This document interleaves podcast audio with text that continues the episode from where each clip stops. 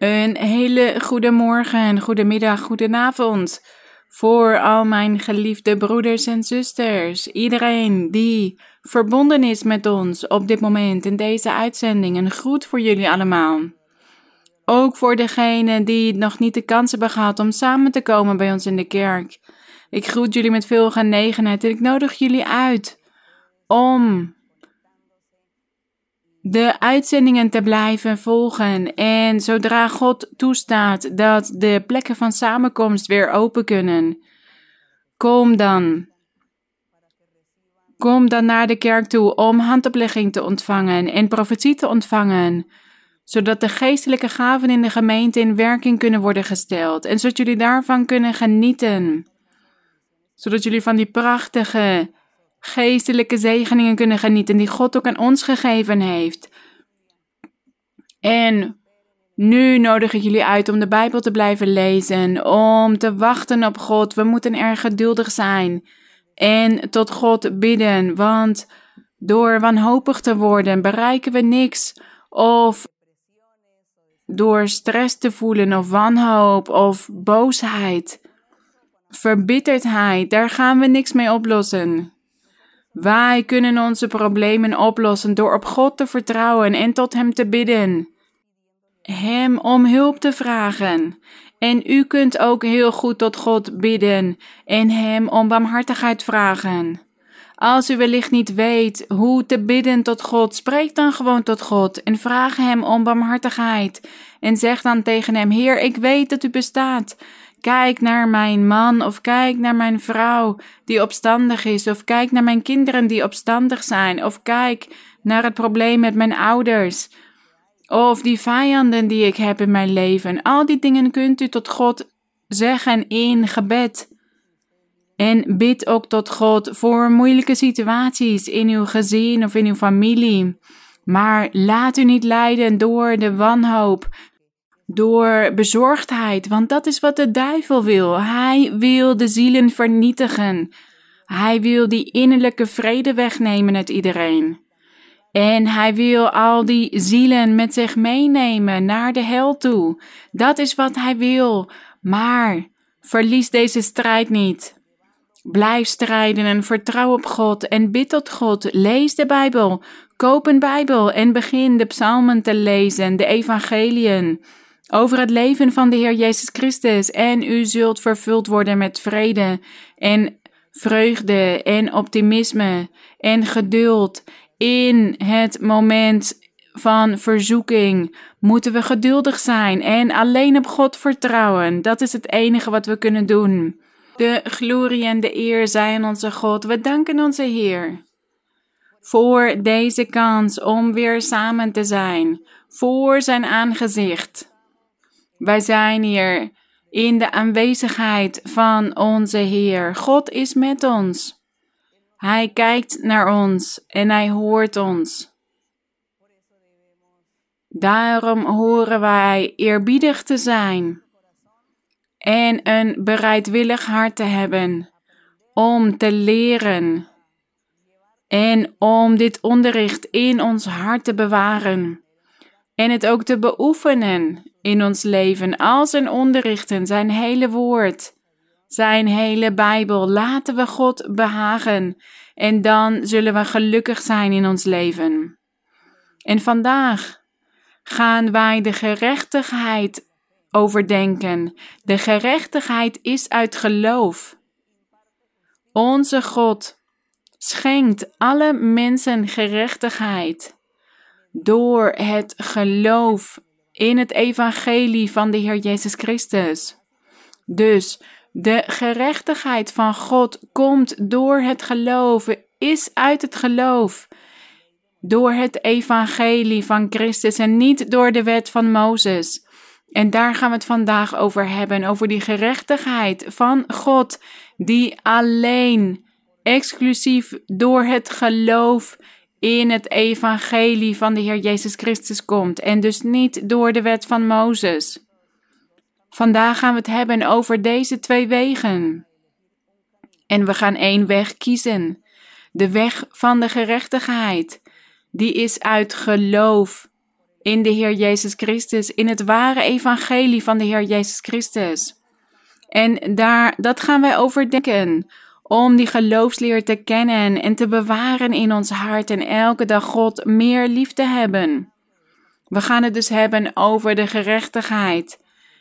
In de Bijbel gaat het vaak over de gerechtigheid en over de rechtvaardige. En ook dat God rechtvaardigt. Daar gaan we het vandaag over hebben. De gerechtigheid is uit geloof en dat geloof is het evangelie. En we gaan eerst in Genesis lezen. De eerste persoon die gerechtvaardigd was door God. En de eerste persoon die heeft mogen genieten van deze gerechtigheid. Genesis 15, vers 6. Ik denk dat jullie al wat meer beoefend zijn in de Bijbel lezen en de boeken van de Bijbel vinden. Genesis hoofdstuk 15, vers 6. God spreekt hier tot Abraham. En hij belooft hem hem een zoon te geven. Hij beloofde hem ook dat hij een vader zou worden van vele volken. En zijn vrouw was onvruchtbaar. Sarah kon geen kinderen krijgen. Maar God beloofde hem dat hij nageslacht zou krijgen. Dat hij hem nageslacht zou geven. Dat hij hem een zoon zou geven. En laten we eerst vers 5 lezen. Genesis 15, vers 5.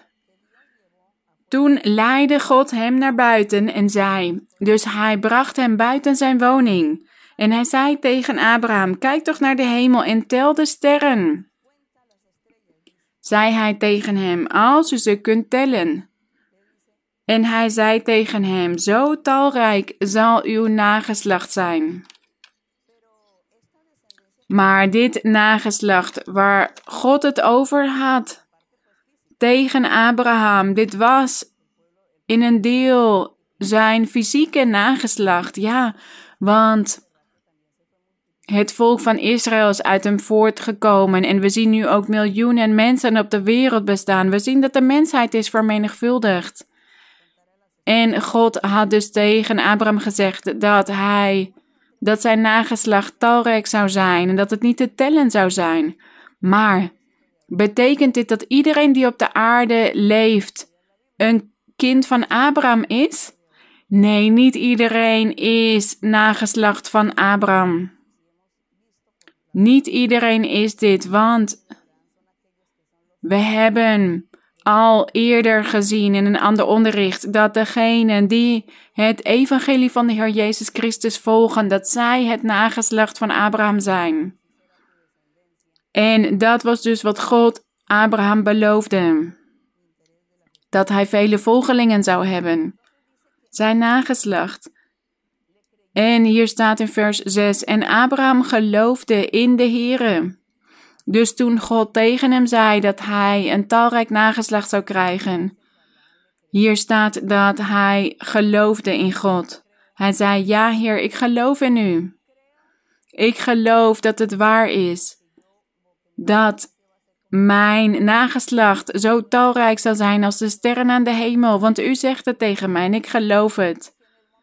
En op het moment dat hij hierin geloofde, wat staat hier? En God rekende hem dat tot gerechtigheid. Dus, we gaan vandaag lezen over de gerechtigheid. En we gaan erachter komen wat dit betekent. Wat die gerechtigheid is. En waarom zei God tegen Abraham dat hij het hem tot gerechtigheid rekende dat hij in God had geloofd. Want hij had hem geloofd en hem gehoorzaamd. En laten we nu naar Psalmen gaan. Psalmen, jullie weten al dat dit ongeveer in het midden van de Bijbel is. Psalmen, Psalm hoofdstuk 15. Psalm hoofdstuk 15, vers 2. Ik geef jullie tijd om het te vinden. Psalm 15, vers 2. Dit is een prachtig psalm. Ik nodig jullie uit om dit te lezen en dit uit jullie hoofd te leren. En op een moment van verdriet of wanhoop of verlatenheid, draag dan dit psalm op tot de Heer. Draag het voor aan Hem en u zult zien hoe u hier verheugd door zal raken, verblijd. En hier in vers 1 staat een vraag, hier staat, Heere, wie zal verblijven in uw tent? Wie zal wonen op uw heilige berg? En we hebben het in een vorig onderricht al gehad, dat die heilige berg en dat die tent, dat het Christus Jezus is.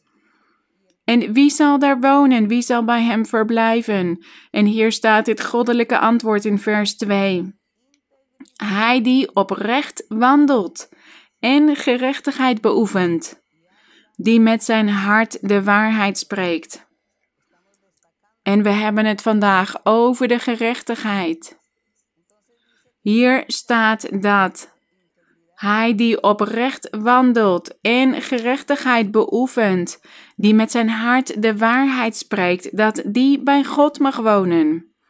Dus gerechtigheid heeft te maken met de goede werken, goede daden, goede handelingen van de mens. Want hier staat dat we oprecht moeten wandelen. En dat we de waarheid moeten spreken. Met ons hart. Dat we die waarheid in ons hart moeten hebben. De gerechtigheid heeft dus te maken met het oprechte doen, het juiste, het eerlijke doen, het wijze doen. En in andere woorden, met andere woorden kunnen we zeggen: het is niet zondigen. Als een persoon, als u een persoon ziet die aan het stelen is, die iemand aan het bestelen is, dan denkt u: wat een ongerechtigheid. In hem is er geen gerechtigheid, want hij is aan het stelen. Of als u iemand ziet die iemand anders vermoordt, dan zegt u wat onrechtvaardig of wat een ongerechtigheid. En wellicht zullen we ook zeggen: ja, hij heeft geen geweten. Maar we zeggen dus: er is geen gerechtigheid in die persoon. Hij is onrechtvaardig, want hij doet iemand anders kwaad. En zo is dit met alle zonden, overspel, ontucht. Wat een ongerechtigheid. Als er bijvoorbeeld een echtpaar is en ze hebben kinderen, die man en die vrouw, en ze vertrouwen op elkaar. En ze vertrouwen op elkaars liefde en op elkaars trouw. En als er op een bepaalde dag de duivel een van de twee aanzet om overspel te plegen, dan zegt die andere: Wat een onrechtvaardigheid, wat een ongerechtigheid. Je bent onrechtvaardig geweest. Ik verdien het niet om zo te lijden op deze manier, vanwege jouw ongerechtigheid. Dus de gerechtigheid God geeft dat en God is het ook die rechtvaardigt. En wij willen allemaal gerechtvaardigd worden door God vanwege onze goede daden. En niet dat God ons gaat veroordelen vanwege slechte daden. Nee, dat Hij juist zegt: Kijk, mijn kinderen beoefenen de gerechtigheid. En de gerechtigheid komt door het geloof, door het evangelie van de Heer Jezus Christus, niet door de wet van Mozes. Want toen de wet van Mozes op zijn hoogtepunt was, was, werd niemand gerechtvaardigd, want iedereen leefde in zonde en zij misten allemaal de heerlijkheid van God. Dus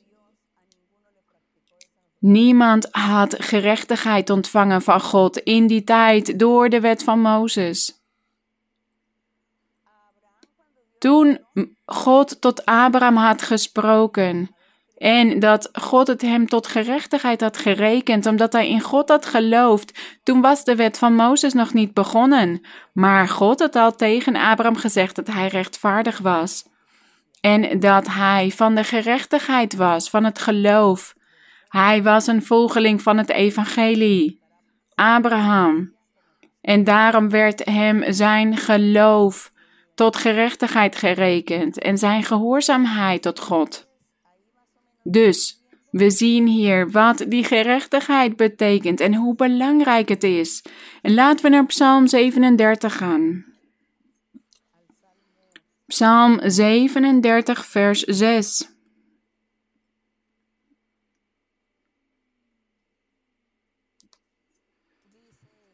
Hier staat in vers 5: Vertrouw uw weg aan de Heere toe en vertrouw op Hem. Hij zal het doen. Hij zal het wonder doen, vele dingen in uw leven.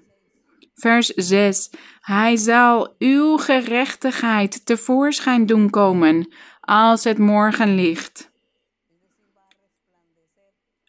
U zult gaan stralen. De man of vrouw die de gerechtigheid beoefent, die begint te stralen, te schijnen, licht te geven in de duisternis. Anderen te verlichten, anderen die nog in duisternis leven. Hier staat: Hij zal uw gerechtigheid tevoorschijn doen komen als het morgenlicht, uw recht doen stralen als de middagzon. Dus omdat die persoon de gerechtigheid beoefent, zal zijn recht stralen als de middagzon, omdat hij recht doet. Dus deze man en vrouw die beoefenen de gerechtigheid, maar God is degene die een oordeel kan vellen over gerechtigheid. En dit is uit het geloof volgens het evangelie van de Heer Jezus Christus, maar niet volgens de wet van Mozes. En laten we verder gaan naar Psalm 85 vers 10. Psalm 85, vers 11. Vers 11. Hier staat goedertierenheid en trouw van God ontmoeten elkaar. Als het hier gaat over de trouw van God of de waarheid in andere versies, dan gaat het over de ware weg van God. Die weg die tot God leidt, die weg die de Heer Jezus Christus had verkondigd toen hij op de aarde was. Het koninkrijk der hemelen, dat is die trouw. Het woord van het ware evangelie van de Heer Jezus Christus, dat is die trouw of die waarheid. En hier staat dus dat goede tierenheid en trouw ont elkaar ontmoeten. Gerechtigheid en vrede kussen elkaar. Gerechtigheid heeft dus ook te maken met de goede tierenheid. Gerechtigheid en vrede kussen elkaar. We hebben dit vers al gelezen, maar we lezen het nu vanuit een ander oogpunt, want we zijn nu de gerechtigheid aan het bestuderen. Hier staat gerechtigheid en vrede kussen elkaar. Want God wil dat zijn kinderen, zijn zonen en dochters, zijn schepselen, de gerechtigheid beoefenen. Zodat hij kan zeggen: zij zijn oprecht, zij zijn rechtvaardig. Dat is waar we het vandaag over hebben. En we vinden het woord gerechtigheid op zoveel plekken in de Bijbel. Laten we naar Jesaja gaan. Jesaja hoofdstuk 1. Jesaja hoofdstuk 1. Vers 25 en 26. Jesaja hoofdstuk 1. Vers 25. Hier spreekt de Heer. Hier roept de Heer, de profeet Jesaja. Hij moest gaan profeteren tot de inwoners van Jeruzalem.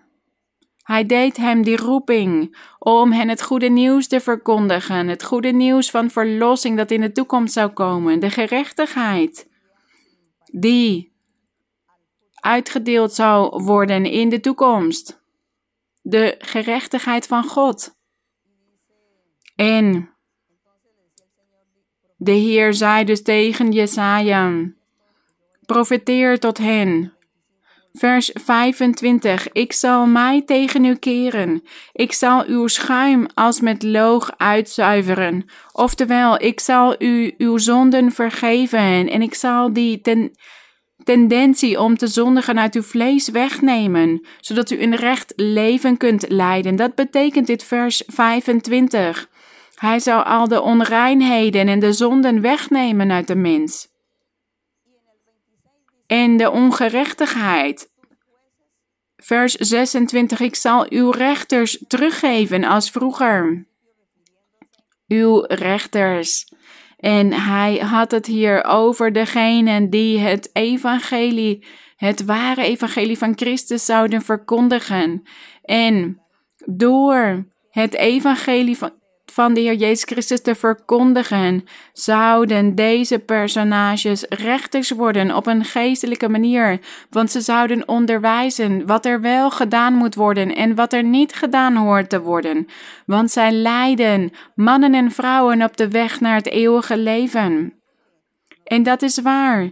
Want we vinden in Efeze 4, vers 11, dat de Heer Jezus Christus sommigen heeft gegeven als apostelen, anderen als profeten, weer anderen als evangelisten en nog weer anderen als herders en leraars, zodat het evangelie verspreid kan worden over de hele wereld en zodat mannen en vrouwen volmaakt kunnen worden, een volmaakt hart kunnen hebben. Dus deze rechters en deze raadslieden in ditzelfde vers, dit zijn die personages. Geestelijke rechters en geestelijke raadslieden, als in het begin staat hier. Daarna zult u genoemd worden, stad van de gerechtigheid, trouwe stad. Stad van de gerechtigheid, dit is de kerk van de Heer. En waarom zouden ze de kerk van de Heer Jezus Christus de stad van de gerechtigheid noemen, of een trouwe stad, omdat alle inwoners van die stad mannen en vrouwen zijn die niet meer zondigen, die geen zonden begaan in hun leven. Daarom is dit de stad van de gerechtigheid, de trouwe stad, de kerk van de Heer Jezus Christus. Een kerk, een gemeente zonder smet of rimpel. Dat is wat de Heer zelf heeft gezegd, dat Hij zo zijn kerk gereed zou maken voor zichzelf en dat Hij haar zou reinigen, volmaakt zou maken, zoals hier in vers 25. Dat Hij zei, ik zal uw schuim als met loog uitzuiveren en ik zal al uw tien wegnemen. Hij zou een volmaakte kerk maken zonder smet of rimpel de stad van de gerechtigheid, de trouwe stad. Dus wij zijn al aan het begrijpen wat die gerechtigheid is. En laten we nu verder gaan naar Jesaja 32, vers 1. Jesaja 32, vers 1. Hier gaan we verder met die beloften van God. Hier gaat het over die koning, over het rijk van Christus. Een rechtvaardige koning. Vers 1. Zie, een koning zal regeren in gerechtigheid. In de laatste dagen, want hier lezen we het boek van de profeet Jesaja. Vele eeuwen voordat de Heer Jezus Christus op de aarde zou komen. En hier was de Heer al aan het beloven dat in de toekomst, in de laatste dagen, dat er een koning zou zijn en die zou regeren in gerechtigheid en vorsten zullen heersen overeenkomstig het recht. En deze vorsten, dit zijn de gelovigen in Christus. Dit zijn diezelfde mannen en vrouwen die samen de kerk van de Heer Jezus Christus vormen die kinderen van God, die zonen en dochters van God, die geen zonden begaan. En ze zullen heersen overeenkomstig het recht, staat hier. Ja, want Christus, de koning, die zou die gerechtigheid doorgeven aan zijn volgelingen. En het zal hen gerekend worden tot gerechtigheid, zoals dit bij Abraham was gebeurd, omdat ze Christus gehoorzaam zullen zijn en in Hem zullen geloven. En het geloof is dus dat we het woord van God horen en dat we hierin geloven en dat we gehoorzamen.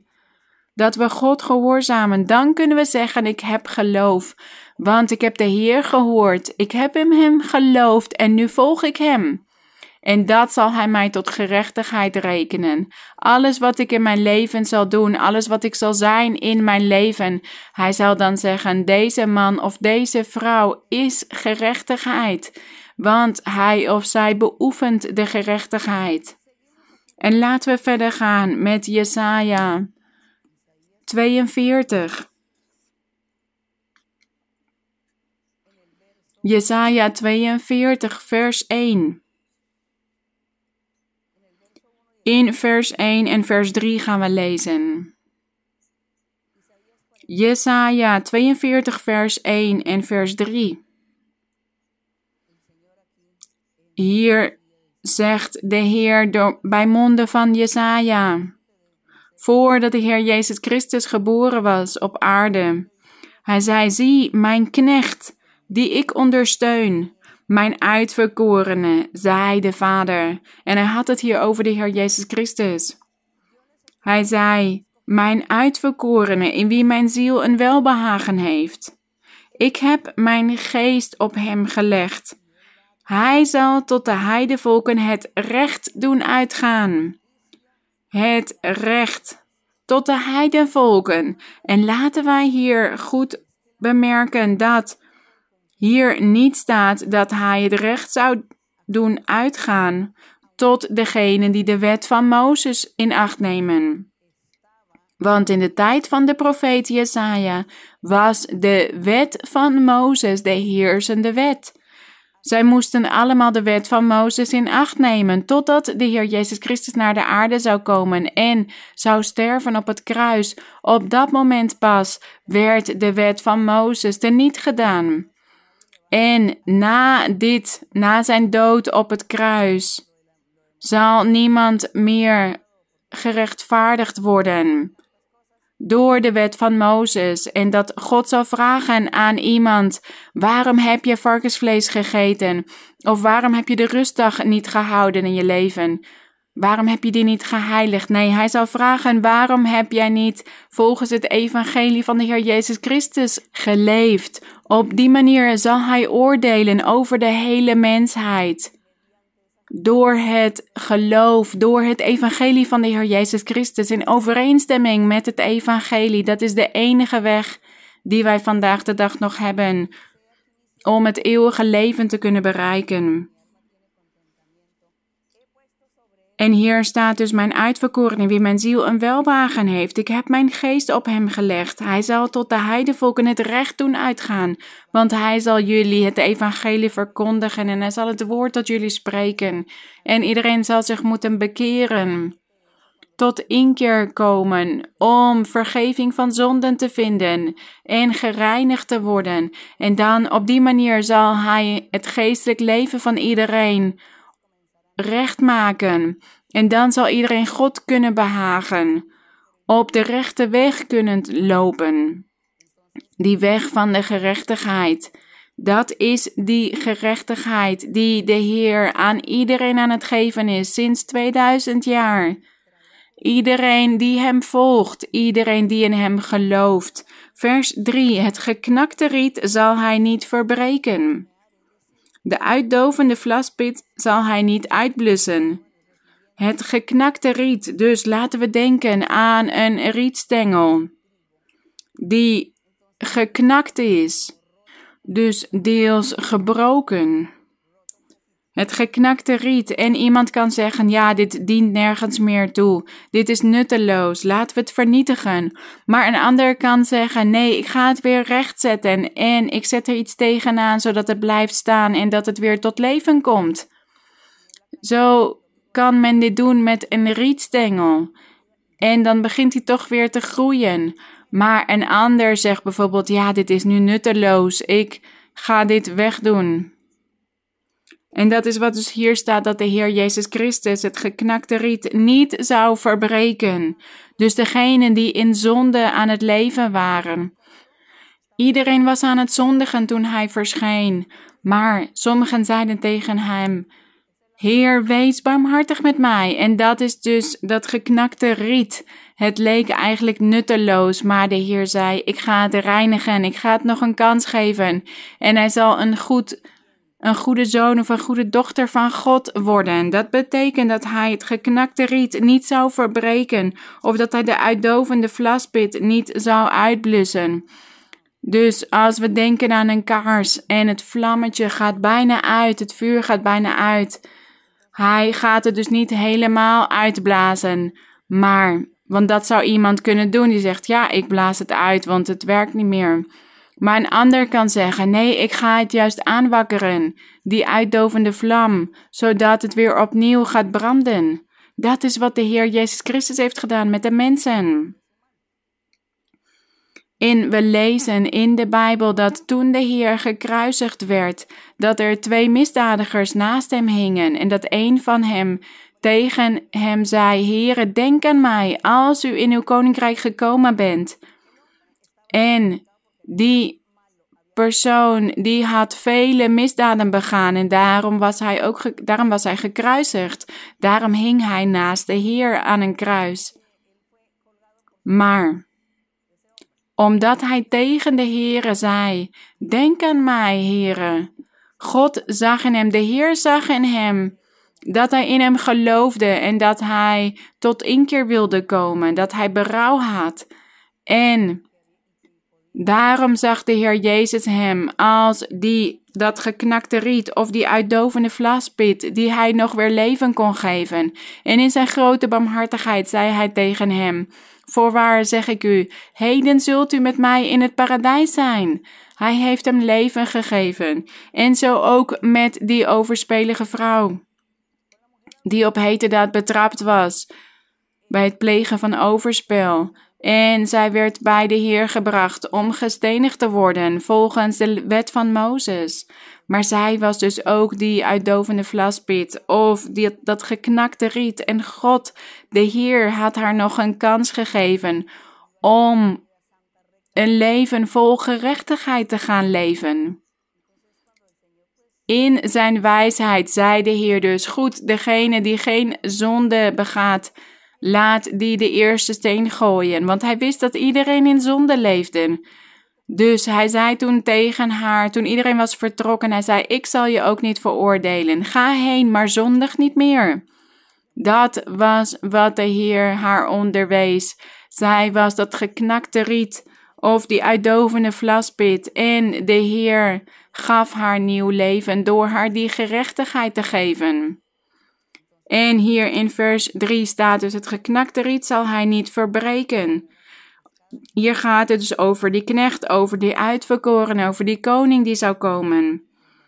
Dit was de profeet Jesaja die dit profeteerde voor de toekomst. En zoveel wonderen had de Heer verricht toen hij uiteindelijk op de aarde kwam. En wat staat hier nog meer? Naar waarheid zal hij het recht doen uitgaan. De gerechtigheid, het recht naar waarheid. Dus wat hij aan het onderwijzen was en die wonderen die hij aan het verrichten was en die tekenen.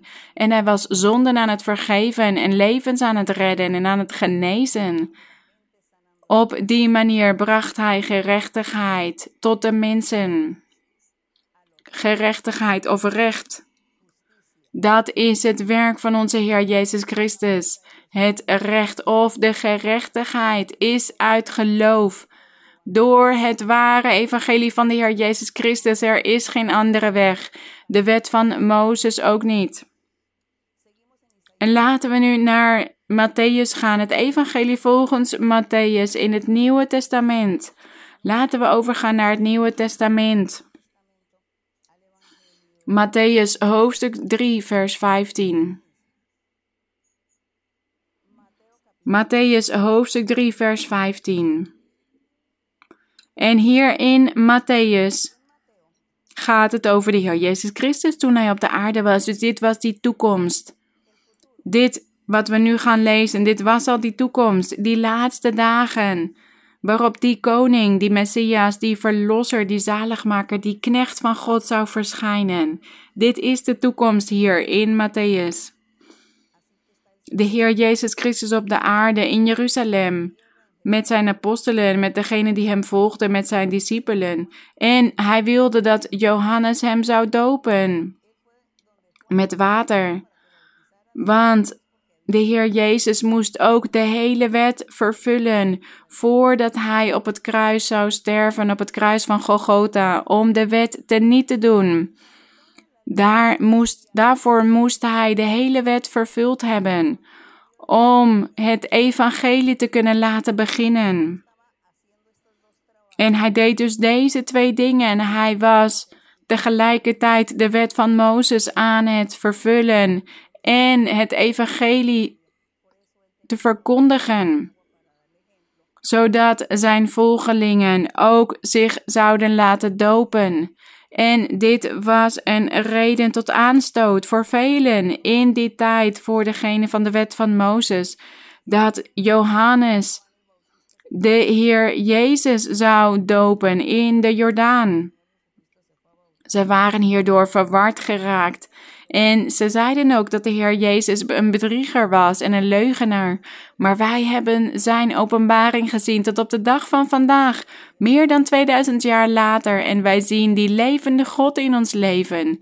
Wij zien de Heer Jezus Christus, onze koning, die zich openbaart in ons leven en daarom nemen wij geen aanstoot aan Hem. Wij geloven in Hem, want Hij laat ons die bewijzen zien dat Hij bestaat. Deze schriften worden vervuld in ons leven. Zij worden een werkelijkheid in ons leven. En daarom geloven wij. Nee, we worden niet bedrogen door een mythe of een legende. Nee, wij beleven deze dingen en wij zien de hand van onze God in ons leven, die zich aan het openbaren is aan ons. En we spreken hier over de gerechtigheid en dat dus de mensen hier aanstoot aan nemen dat Johannes de Heer Jezus zou dopen. En hier lezen we in vers 13 dat Jezus naar de Jordaan kwam om door Johannes gedoopt te worden. Maar Johannes wilde hem hiervan weerhouden en zei: Ik heb het nodig door u gedoopt te worden. En komt u naar mij? Maar Jezus antwoordde hem en zei: Laat het nu gebeuren. Je begrijpt het niet, maar laat het nu gebeuren want je zult het later begrijpen. En hij zei: Want op deze wijze past het ons alle gerechtigheid te vervullen. Hij zei: We moeten alle gerechtigheid vervullen. De eerste die over die gerechtigheid te horen kreeg was Abraham. De wet van Mozes bestond toen nog niet. En hier zei de Heer Jezus ook: Het past ons alle gerechtigheid te vervullen. We moeten alle gerechtigheid vervullen. En toen liet Johannes de Doper het hem toe. En hij heeft dus de Heer Jezus gedoopt. En later heeft God hem geopenbaard waarom hij dit allemaal zo had gewild. En laten we nu verder gaan naar Romeinen, hoofdstuk 1. We hebben het hier over de gerechtigheid van God die gerechtigheid die uit het geloof is. En wie moet die gerechtigheid beoefenen? Alle mannen en vrouwen die het ware evangelie van onze God willen volgen. En God zal de mensen rechtvaardigen of over hen oordelen in overeenstemming met het evangelie van de Heer Jezus Christus, dus niet in overeenstemming met de wet van Mozes, want in de wet van Mozes is er geen gerechtigheid geweest, maar juist ongerechtigheid, want iedereen zondigde. Maar in het evangelie, de volgelingen van Christus, in hen zal er wel gerechtigheid zijn. De weg van de gerechtigheid, de weg van de heiligheid. Ja, dit zal zo zijn, want de Heer Jezus Christus zelf heeft die, is die verbintenis aangegaan om te zuiveren, om te reinigen, om de harten te veranderen. Dus de Heer zal dit kunnen bereiken. En hier in Romeinen hoofdstuk 1 vers, vers 17.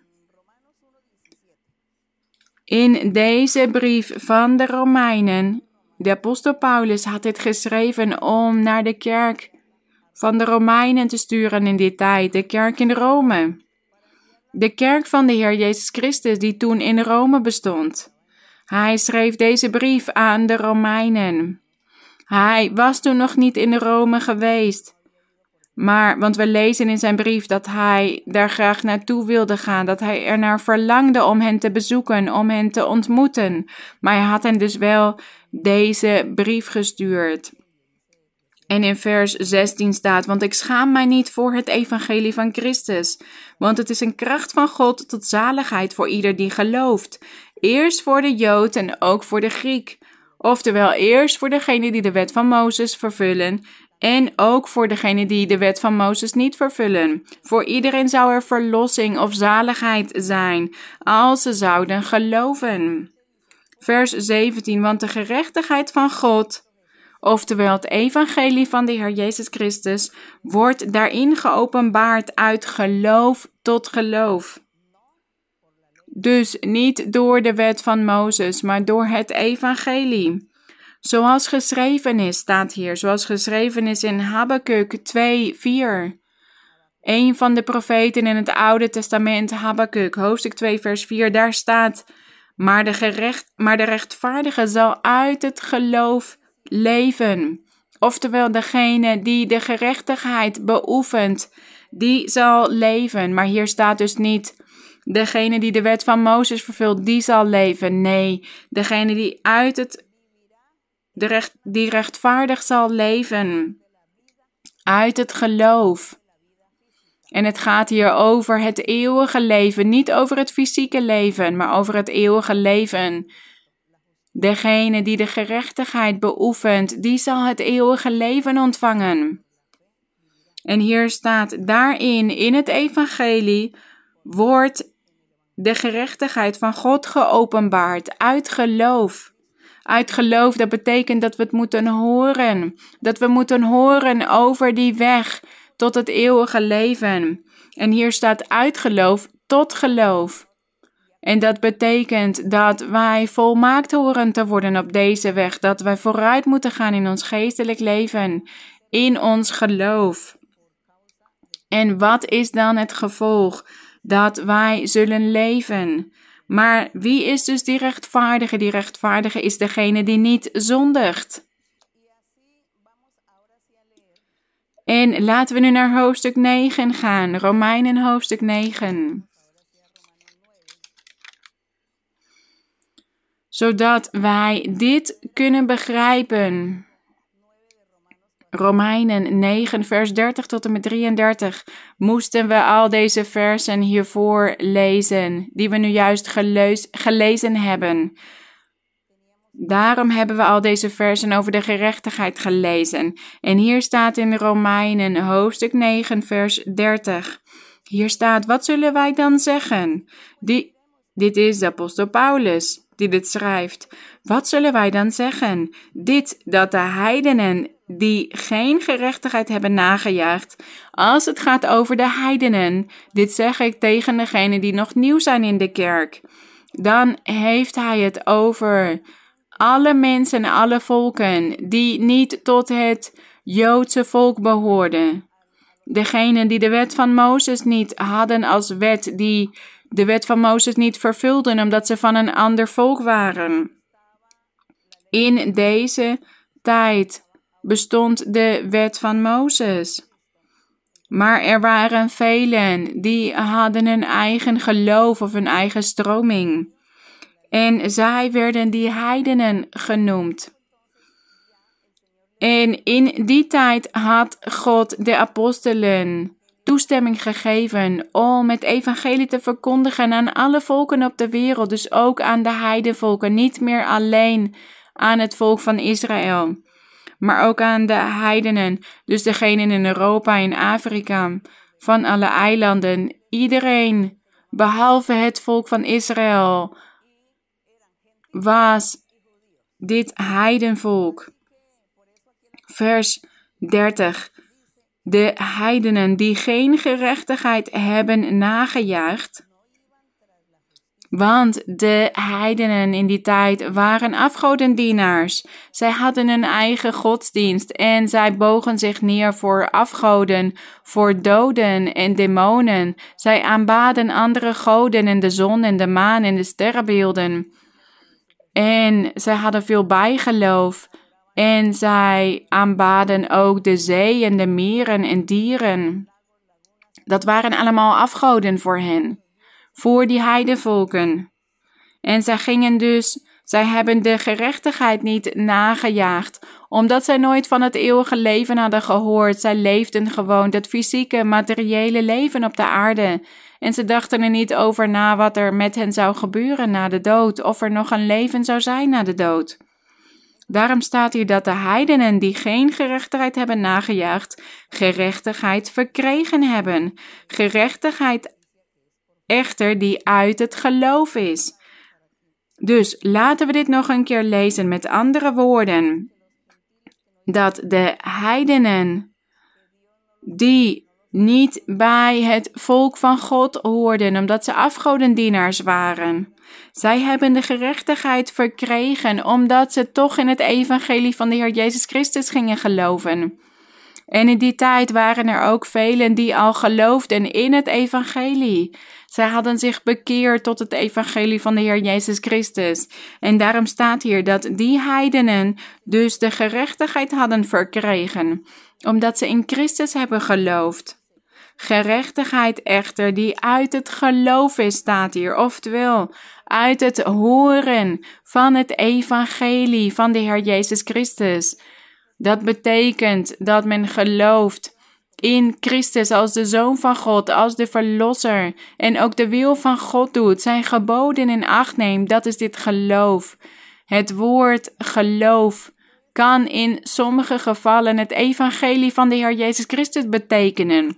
En in andere versen betekent het geloof dat wij het woord van God horen en daarin geloven en dat gehoorzamen. Dat is ook het geloof. Dus het heeft verschillende betekenissen. En hier staat dus dat de heidenen, die geen gerechtigheid hebben nagejaagd, toch die gerechtigheid hebben verkregen, omdat ze in de Heer begonnen te geloven en ze begonnen die afgoden naast zich neer te leggen. En ze begonnen die, die God in geest en waarheid te aanbieden. Vers 31. Maar Israël, dat de wet van de gerechtigheid najaagde, is aan de wet van de gerechtigheid niet toegekomen. Hier staat dat Israël, het volk van Israël, niet aan de wet van de gerechtigheid is toegekomen. Want we lezen in de Bijbel dat ze allemaal zondigden, dat er niet één was die het goede deed.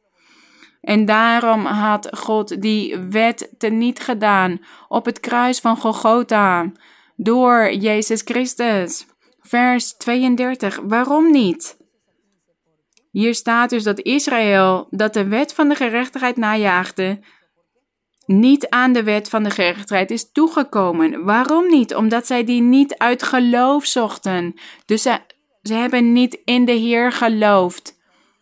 Zij wilden die geschreven wetten volgen. Dat was alles wat ze deden. Alleen de schriften volgen. Doe dit niet of doe dat niet. Of eet dit niet. Werk niet op de rustdag. Al die dingen. Zij deden al die fysieke, materiële dingen. Maar in die wet die geschreven stond, zat een steen des aanstoots staat hier. En hier staat, want zij hebben zich gestoten aan de steen des aanstoots. En Mozes had tegen het volk gezegd: Jullie moeten alle geboden van God in acht nemen. Als jullie niet alle geboden van God in acht nemen, zullen jullie niet het eeuwige leven verkrijgen. Dat is wat Mozes tegen het volk zei toen hij ging overlijden. Voordat hij overleed, zei hij dit tegen het volk: Als jullie het eeuwige leven willen verkrijgen, moeten jullie alle geboden van de wet in acht nemen. Maar die zin van Mozes was voor hen een steen des aanstoots geworden, omdat zij niet alles hebben kunnen vervullen. Zij hebben niet alles in acht kunnen nemen. Want als ze ook maar één ding van de wet, één jota of één titel van de wet niet vervulden, dan konden ze niet verlost worden. En niemand heeft dus geheel gehoorzaamd. Ze hebben hier allemaal in gefaald. Dus er was geen gerechtigheid in hun midden. De gerechtigheid is gekomen uit het geloof, uit het evangelie. En hier staat dus, zij hebben zich gestoten aan de steen des aanstoots. Vers 33, zoals geschreven staat: Zie, ik leg in Sion een steen des aanstoots en een struikelblok. En ieder die in hem gelooft, in die struikelblok, zal niet beschaamd worden. En in een ander vers staat ook: Wie op deze hoeksteen valt, zal verpletterd worden. En op wie hij valt, die zal hij vermorzelen. En die hoeksteen, dat is onze Heer Jezus Christus. Christus Jezus. En hier staat dus in vers 33: Ik leg in Sion, dit is in de kerk, alle gelovigen samen van over de hele wereld. Iedereen die zich zal bekeren tot God, die zal samen Sion vormen, het geestelijk Jeruzalem. En hier staat dus: Ik leg in Sion een steen des aanstoots en een struikelblok.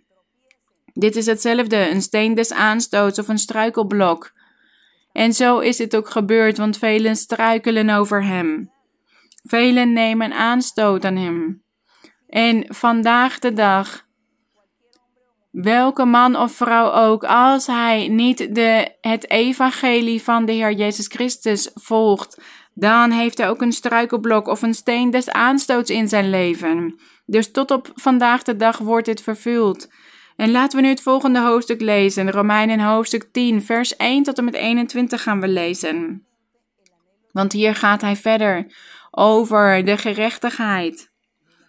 Hier staat vers 1: Broeders, de oprechte wens van mijn hart en mijn gebed tot God voor Israël is gericht op hun zaligheid. Hier staat dus dat apostel Paulus veel tot God bad voor de Israëlieten, voor de Joden. Want ik getuig van hen dat zij ijver voor God hebben, maar niet met het juiste inzicht. Maar niet met de juiste geloofsleer. Ja, zij hebben wellicht ijver voor God. Zij, zij dragen tienden af van kruiden, van planten, van alle kleinste dingen. En ze zijn in sommige dingen heel ijverig. En ze proberen nauwgezet alles in acht te nemen. En dat ze altijd hun handen moeten wassen voor het eten en al die rituelen wilden zij zo overdreven in vervulling brengen. Maar dit was dus niet met het juiste inzicht, staat hier. Met het juiste verstand. Nee, ze waren juist fanatiek geworden, fanatiekelingen. Hier staat vers 2, want ik getuig van hen dat zij ijver voor God hebben, maar niet met het juiste inzicht, niet met de juiste kennis, niet op een logische, realistische manier. Nee, ze hadden geen inzicht, geen kennis. Vers 3, omdat zij immers de gerechtigheid van God niet kennen. Hij had het hier over het volk van Israël, de volgelingen van de wet van Mozes in die tijd omdat zij immers de gerechtigheid van God niet kennen. Ja, want de gerechtigheid van God was al geopenbaard in het evangelie van de Heer Jezus Christus. Maar hier staat, omdat zij een eigen gerechtigheid tot stand proberen te brengen. Want zij kenden de gerechtigheid van God niet en zij hebben een eigen gerechtigheid tot stand proberen te brengen met de wet van Mozes en met alle rituelen en met overdrijvingen. Zij dachten dat ze zelf een gerechtigheid tot stand brachten, maar God zag dit niet als recht gerechtigheid. Want hier staat, zij hebben zich niet aan de gerechtigheid van God onderworpen. Kijk naar vers 3. Omdat zij de gerechtigheid van God niet kennen en een eigen gerechtigheid tot stand proberen te brengen, hebben zij zich niet aan de gerechtigheid van God onderworpen. Want het einddoel van de wet is Christus. Christus Jezus is het einddoel van de wet, daar op het kruis van Golgotha, tot gerechtigheid voor ieder die gelooft. Dus, We zien hier dat deze stroming van gerechtigheid, dat is waar God naar kijkt in alle mensen, mannen en vrouwen. Vergeet het dus niet, wij horen dit ware evangelie van Christus Jezus te volgen, zodat Hij ons, onze daden tot gerechtigheid rekent en dat Hij ons bekleedt met gerechtigheid. En wat is dus het ware evangelie van de Heer Jezus Christus? Dat we zeggen, ik geloof in Christus? Nee, wij horen alles te beoefenen in ons leven. We horen de zonde af te leggen en ook de openbaring van de Heilige Geest in ons leven te hebben, met zijn geestelijke gaven. We horen de geestelijke gaven te ontvangen van God, de gaven van visioenen, van dromen, van profetieën, van onderscheiding van geesten, van demonen uitdrijven, van in andere talen spreken, van genezingen, van wonderen verrichten. Die belevenissen met de Heilige Geest, die horen we allemaal mee te maken. Iedereen die de gerechtigheid beoefent. En als wij dit meemaken in ons leven, dan helpt God ons om niet meer te zondigen. En dan zegt Hij: Ja, deze man of vrouw heeft zich bekleed met gerechtigheid. Vers 5. Want Mozes schrijft over de gerechtigheid die uit de wet is. De mens die deze dingen gedaan heeft, zal daardoor leven. Maar we hadden al gelezen over die steen des aanstoots. Dat staat in Leviticus hoofdstuk 18, vers 5, als jullie dat willen lezen. De mens die deze dingen gedaan heeft, zal daardoor leven. Dus als hij de hele wet vervult, dan zal hij eeuwig mogen leven. Dat was die gerechtigheid die Mozes had gegeven. Maar omdat iedereen had gezondigd en niemand heeft de wil van God gedaan, was er geen gerechtigheid onder hen. Dus uit de wet is er geen gerechtigheid, alleen uit het evangelie, uit het geloof. En in vers 6 gaan we lezen. In vers 6: De gerechtigheid echter die uit het geloof is, spreekt al dus. Zeg niet in uw hart: wie zal naar de hemel opklimmen? Dat is Christus naar beneden brengen. Of wie zal in de afgrond neerdalen? Dat is Christus uit de doden naar boven brengen. Dus wie zal naar de hemel opklimmen of naar de afgrond afdalen? Om het evangelie dicht bij ons te hebben, om God te kunnen zoeken. Nee, Niemand kan dit zeggen. Niemand kan Christus verwerpen of hem aan de zijde zetten, want hij is de waarheid, hij is de weg en het leven. En als iemand gerechtvaardigd wil worden door God op een andere manier, op een andere manier van verlossing of een andere manier van gerechtigheid, en dat hij zegt: Nee, ik wil niet in Jezus Christus geloven, dan heeft hij het mis. En daarom zijn er deze voorbeelden voor ons. En dat we dus niet gaan zeggen wie zal naar de hemel opklimmen of in de afgrond neerdalen om de waarheid van God bij ons te brengen. Want nee, het is zo dicht bij ons. Het staat hier in vers 8. Maar wat zegt de schrift? Dicht bij u is het woord, in uw mond en in uw hart. Dit is het woord van het geloof dat wij prediken. Dus hier staat dat het zo dicht bij ons is en dat niemand vandaag de dag zich kan rechtvaardigen en zeggen: waar is die weg? Waar is die weg om het eeuwige leven te kunnen bereiken? Wellicht zijn er mensen die zeggen: ja, er zijn duizenden godsdiensten. En welke weg moet ik kiezen, welke godsdienst om het eeuwige leven te kunnen bereiken? Neem de weg van het ware evangelie van Christus Jezus. Hier vindt u het in de Bijbel. Daar vindt u de ware weg. En als u de Bijbel leest met heel uw hart en als u naar verlangt om God te behagen en de waarheid te vinden, dan zal, dan zal Hij het aan u openbaren. En we horen dan te geloven in de Heer Jezus Christus als de Zoon van God en ook als God zelf. Want als u wilt geloven in Christus als een profeet, dan heeft u het mis. Of in Christus als een gewoon mens, dan heeft u het mis. Of als Christus die een gezant was door God, maar die niet God was. Nee, dan heeft u het mis. U hoort te geloven dat de Heer Jezus Christus God zelf is en dat Hij een deel van God is geweest. Dat Hij leven heeft gegeven, een lichaam heeft gegeven op aarde. vlees en bloed. En door hem is de aarde en de hemel geschapen, want hij heeft altijd bestaan, dus hij is God zelf. En toen God zei: Ik zal de maagd, of de maagd zal een zoon baren, en zijn naam zal zijn Emmanuel. En Emmanuel betekent God met ons. Dus het is niet Jezus met ons.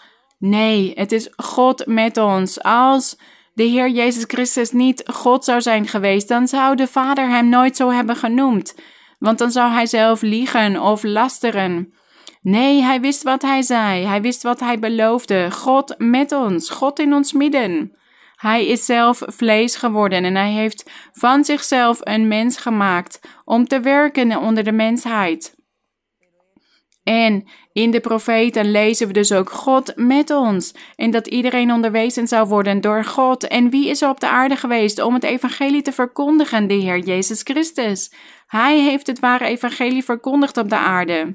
Dus, als u zegt dat u christen bent, dan hoort u te geloven dat Christus de Zoon van God is, maar ook God zelf. Dat Hij werkt als de Zoon van God, maar dat Hij ook God is. En dat Hij de enige weg is die leidt tot het eeuwige leven. En wanneer we in Hem gaan geloven, dan begint Hij ons te reinigen en begint Hij de zonde uit ons weg te nemen. Die zondige tendentie, en dan begint Hij ons geestelijke gaven te geven. En de Heilige Geest begint zich dan te manifesteren, te openbaren in ons leven. En in de kerk zullen we dan die profeten en apostelen en herders zien en leraars. En dan zullen we de gaven zien, de geestelijke gaven, de gaven van profetie, de gaven van genezingen, van krachten, van wonderen. Dat zijn de tekenen van het ware evangelie, van de ware weg. Dus laat u zich niet misleiden. Als u zoekt naar de ware weg, wees dan oprecht en verlangen naar het eeuwige leven te verkrijgen van God. En God zal u dan leiden en hij zal u op het goede spoor zetten. Dat is omdat God ons, jullie allemaal op de weg van de gerechtigheid wil zetten. Dat kan alleen God doen. En wat staat hier nog meer? Vers 9. De apostel Paulus zegt: Als u met uw mond. Want in vers 8 zei: Dicht bij u is het woord, in uw mond en in uw hart.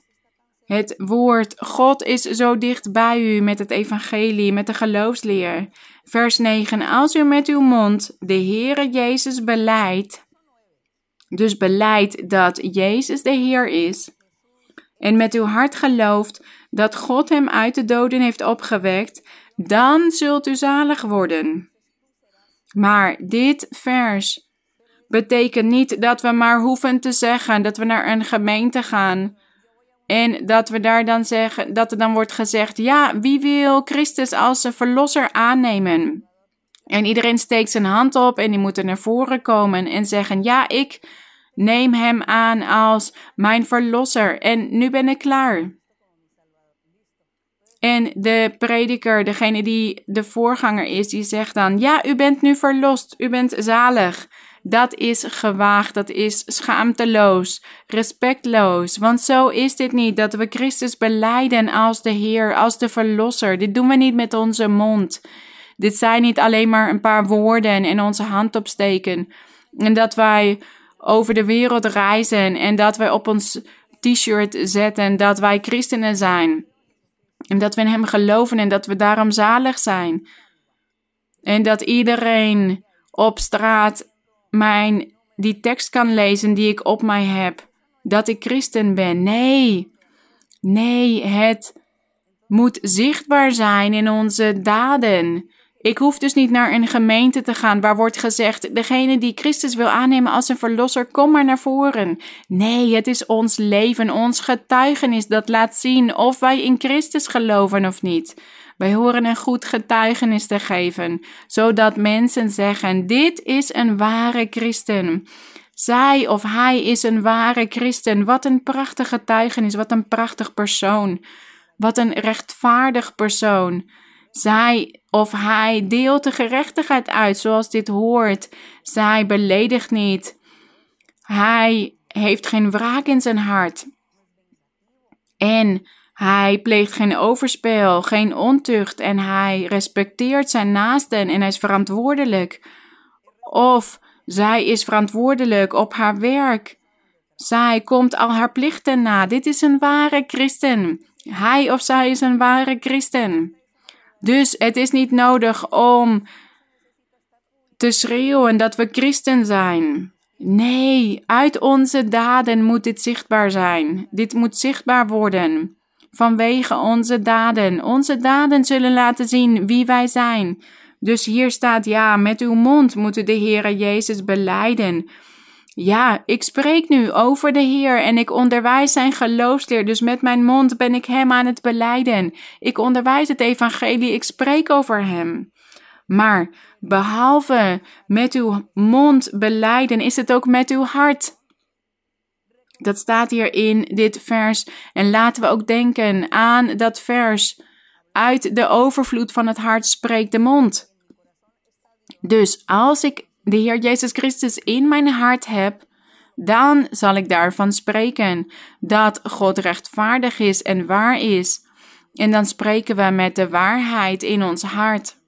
Dan zijn we geen huigelaars, geen, dan hebben we geen hebzucht.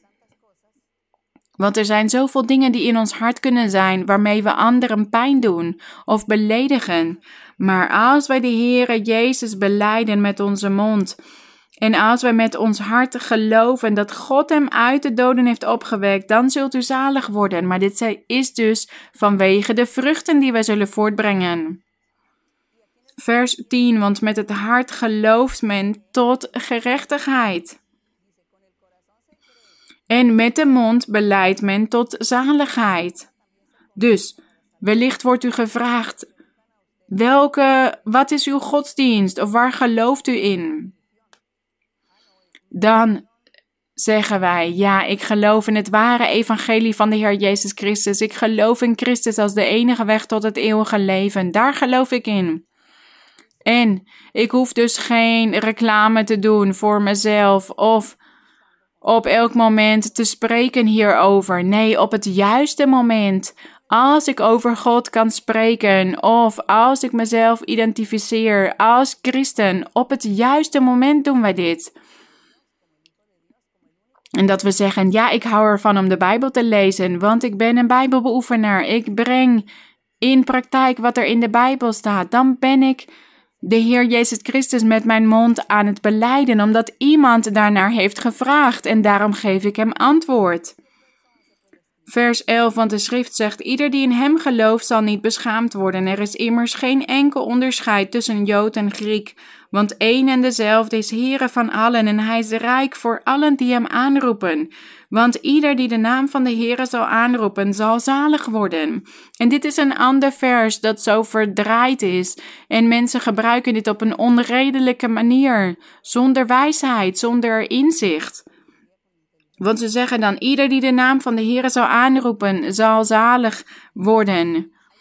Want dan is het gewoon zeggen dat we geloven in de, na in de naam van de Heere.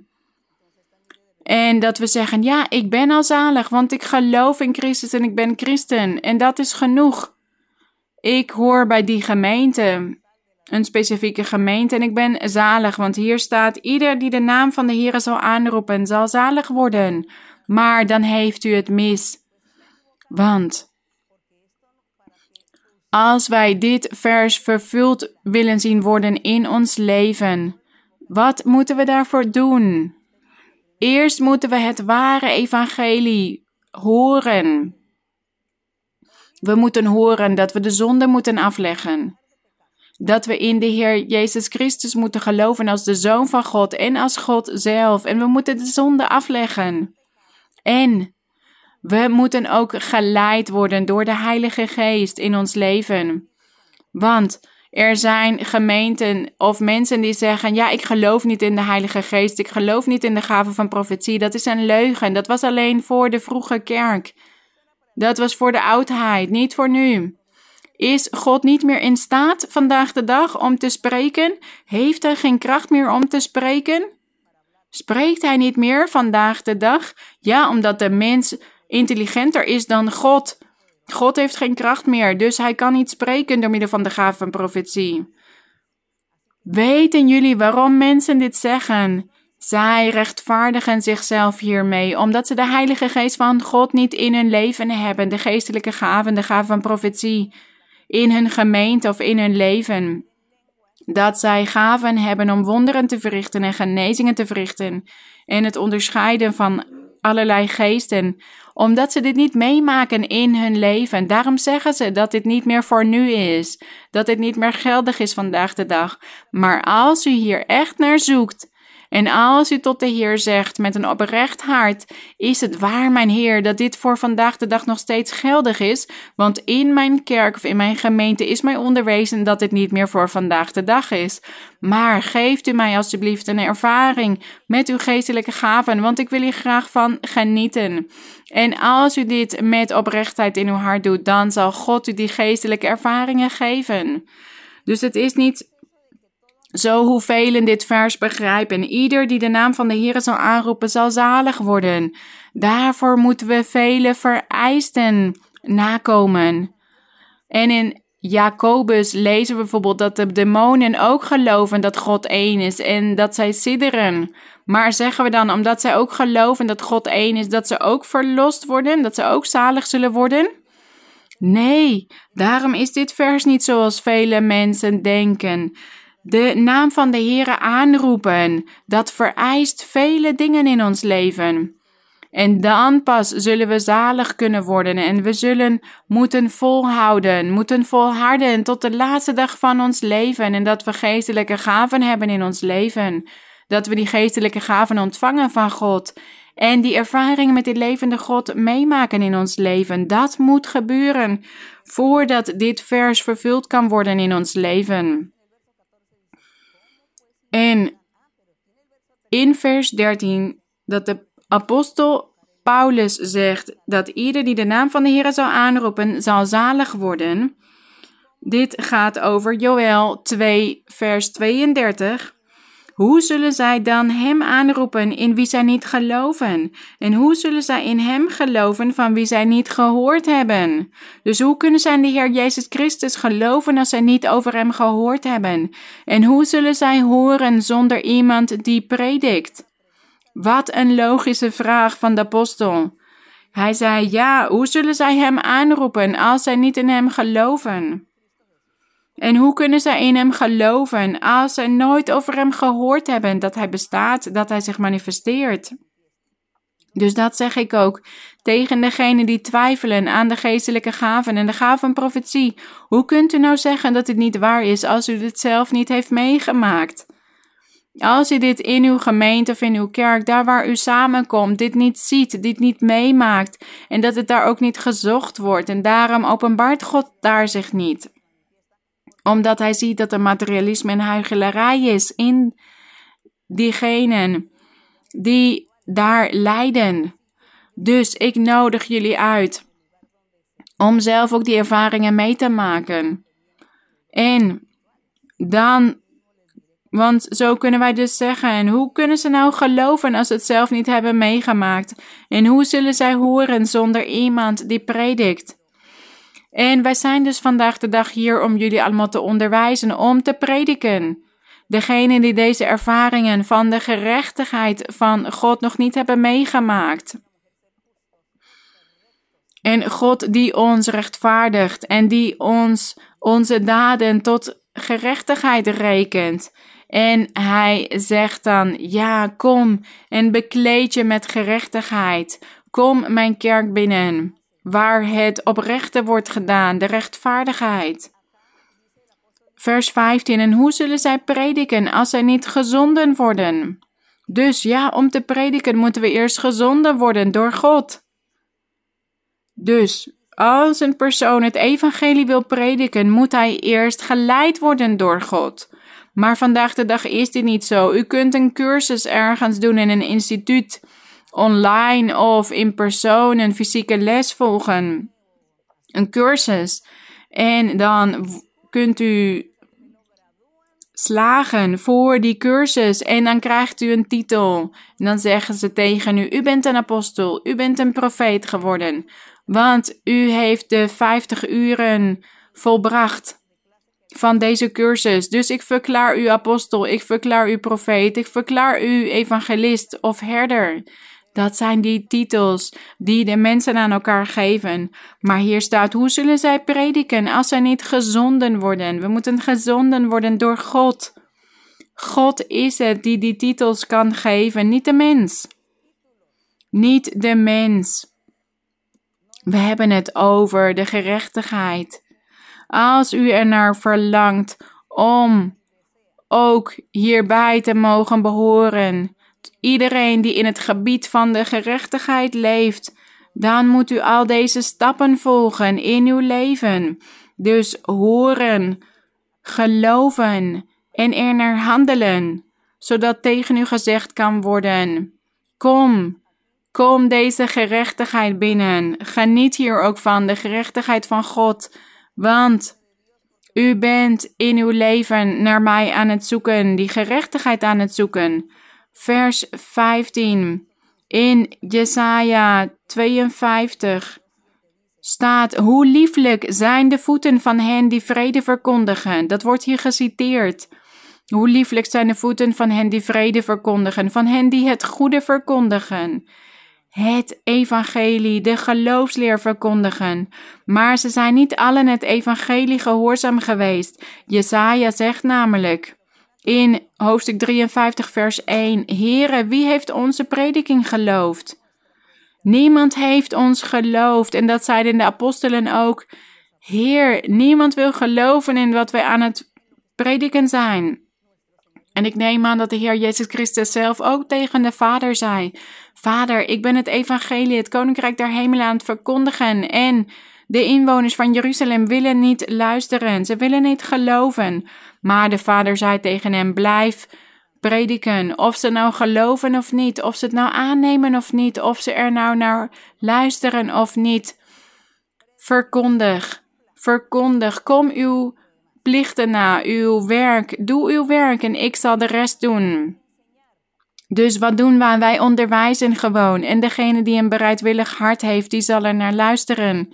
En die zal ook die gerechtigheid van God mogen ontvangen en het eeuwige leven verkrijgen. Vers 16, vers 17. Zo is dan het geloof uit het gehoor. Het geloof is uit het gehoor van het ware woord van God. En het gehoor door het woord van God, oftewel het evangelie. Het geloof. De gerechtigheid die uit het geloof is. En zo hebben we gelezen dat de rechtvaardige eeuwig zal leven uit het geloof. En hier wordt een psalm geciteerd. Psalm 19. Maar ik zeg, hebben zij het dan echt niet gehoord? Zeker wel. Hun geluid is over heel de aarde uitgegaan en hun woorden tot het einde van de wereld. Maar ik zeg, heeft Israël het dan niet begrepen? Ten eerste is het Mozes die zegt: Ik zal u tot jaloersheid verwekken door wat geen volk, is. Door een onverstandig volk zal ik u tot toorn verwekken. En dit is vervuld geworden. In Deuteronomium 32, vers 21 staat dit. Dat Mozes zei: Ik zal u tot jaloersheid verwekken door wat geen volk is. Door een onverstandig volk zal ik u tot toorn verwekken. Dus de Israëlieten werden verwekt tot jaloersheid door de heidenvolken, door wat geen volk van God was. Vers 20 En Jesaja durfde het aan te zeggen: Ik ben gevonden door hen die mij niet zochten. dit was een profetie over de Heer Jezus Christus, die in Jesaja 65 staat. Ik ben gevonden door hen die mij niet zochten. Ik heb mij geopenbaard aan hen die niet naar mij vroegen. Met het oog op Israël zegt hij echter: Heel de dag heb ik mijn handen uitgebreid naar een ongehoorzaam en tegensprekend volk. Hij had het hier over het volk van Israël in de oudheid. Hij zei: Heel de dag heb ik mijn handen uitgebreid naar een ongehoorzaam en tegensprekend volk. Zij hebben het niet willen aannemen. Ze hebben niet willen geloven. Ze hebben niet willen genieten van dit prachtige land. van deze prachtige kerk, waar de gerechtigheid wordt geoefend. De gerechtigheid van God.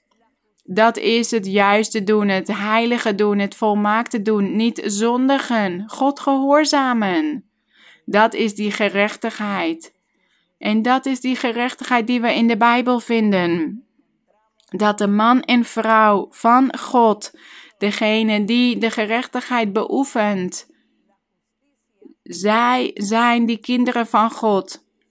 Zij zijn die erfgenamen van het eeuwige leven. Zij zijn die knechten of die medearbeiders van onze Heer Jezus Christus, die mannen en vrouwen die de gerechtigheid beoefenen, oftewel die in heiligheid leven, die geen zonden begaan, geen enkele zonde. Zij, zij zijn diegenen die koningen en priesters zullen zijn. Koningen en priesters van de Allerhoogste God. Wilt u daarbij horen? Wilt u bij dit volk horen? Bij deze kerk, bij deze geestelijke tempel.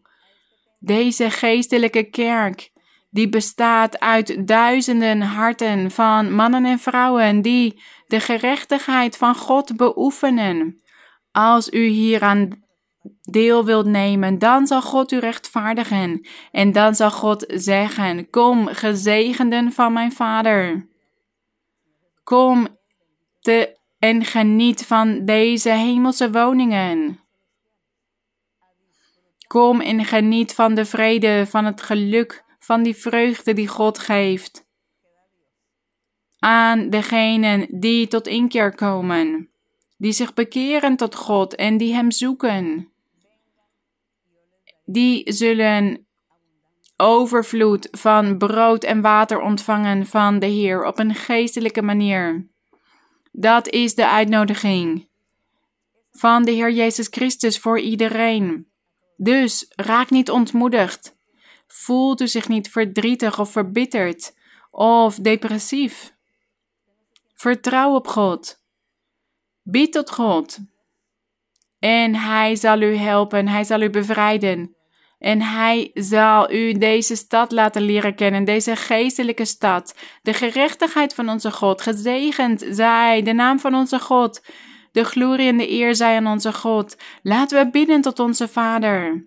Gezegende God. Almachtige Vader van de Heer Jezus Christus. Wij danken u, mijn Heer. Wij danken u.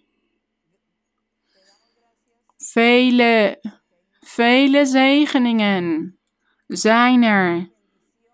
Vele verbintenissen. Vele harten die die verbintenis met mij willen aangaan. En ik zie jullie. Ik kijk naar jullie en ik hoor jullie. En ik zal jullie zegenen en ik zal jullie bevrijden.